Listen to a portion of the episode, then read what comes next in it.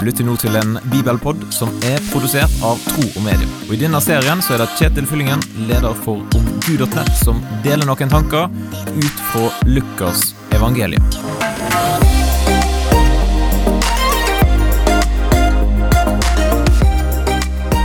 Har du noen gang blitt så engasjert av noe som du opplever at du bare må komme med en reaksjon på en eller annen måte? En respons?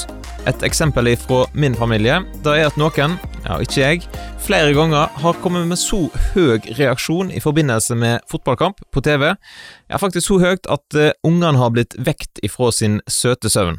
For det er nesten sånn at uh, en opplevelse ikke blir den samme dersom en ikke kan gi respons. Ja, for tenk deg da at du ser en viktig fotballkamp uten at du skal kunne uttrykke glede eller skuffelse.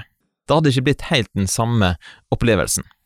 I dagens bibelpåtekst fra evangeliet til Lukas, kapittel 1, vers 46-56, der får vi høre responsen som Maria måtte komme med etter det hun hadde opplevd.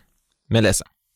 Da sa Maria, Min sjel opphøyer Herren, og min ånd fryder seg i Gud min frelser, for han har sett til sin tjenestekvinne i hennes fattigdom, og se, fra nå av skal alle slekter prise meg salig, for store ting har han gjort mot meg. Han, den mektige, hellig er hans navn. Fra slekt til slekt varer hans miskunn over dem som frykter ham. Han gjorde storverk med sin sterke arm, han spredde dem som bar hovmodstanker i hjertet. Han støtte herskere ned fra tronen og løftet opp de lave. Han mettet de sultne med gode gaver, men sendte de rike tomhendt fra seg. Han tok seg av Israel, sin tjener, og husket på sin miskunn, slik han lovet våre fedre, Abraham og hans ett, til evig tid. Maria ble hos Elisabeth i omkring tre måneder, så vendte hun hjem. Maria hun hadde fått se et glimt av hva Gud hadde gjort for henne, og hun ser at eh, bildet er mye større det handler ikke bare om hun, men det handler om at hun er ei brikke i et stort, stort bilde. Har du sett hva Gud har gjort for deg, og hvordan er din respons på det Gud har gjort for deg? Hva tenker du om teksten her i Lukas kapittel 1?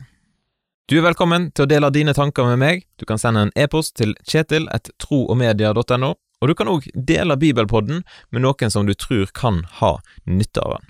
Da ønsker jeg deg en fin dag, og så poddes vi plutselig igjen. Takk for at du lytter gjennom denne bibelpodden. og Vil du gi en tilbakemelding på det som du hørte, eller vil du lære mer om kristen tro? Da kan du gå til nettsida omgud.nett. Eller du kan sende en e-post til kjetil.